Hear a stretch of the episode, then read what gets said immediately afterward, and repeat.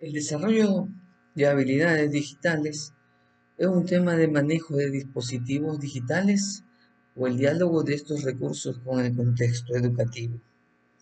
Bien, para responder a esta interrogante, vamos a empezar, vamos a empezar diciendo lo siguiente. Que pienso que en este tema dentro de la práctica educativa y es necesario ahora actualmente que todo docente emplee metodologías activas.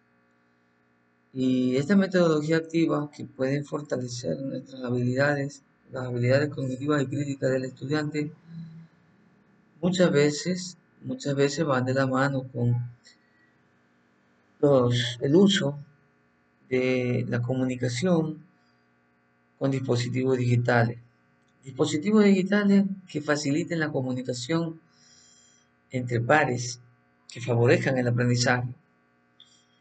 Claro que es necesario aumentar la cobertura de conexión a Internet, no solo a nivel del aula, sino en toda la institución educativa y en los hogares.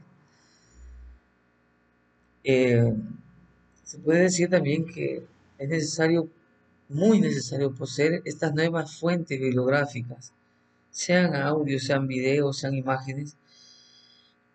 Son recursos multimedia que se convertirán en algún momento en insumos didácticos e inclusive ayudarán a gestionar la administración educativa.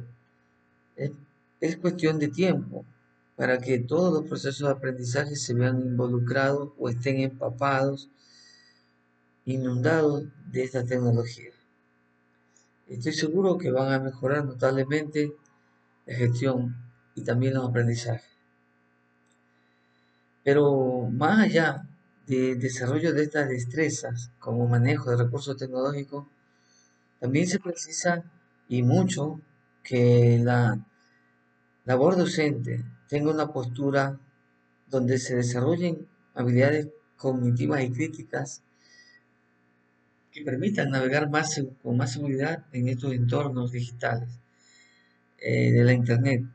Manifestar la capacidad, esa capacidad de investigar, de precisar información relevante sobre otra no tan relevante y analizarla de manera crítica en cada momento del aprendizaje.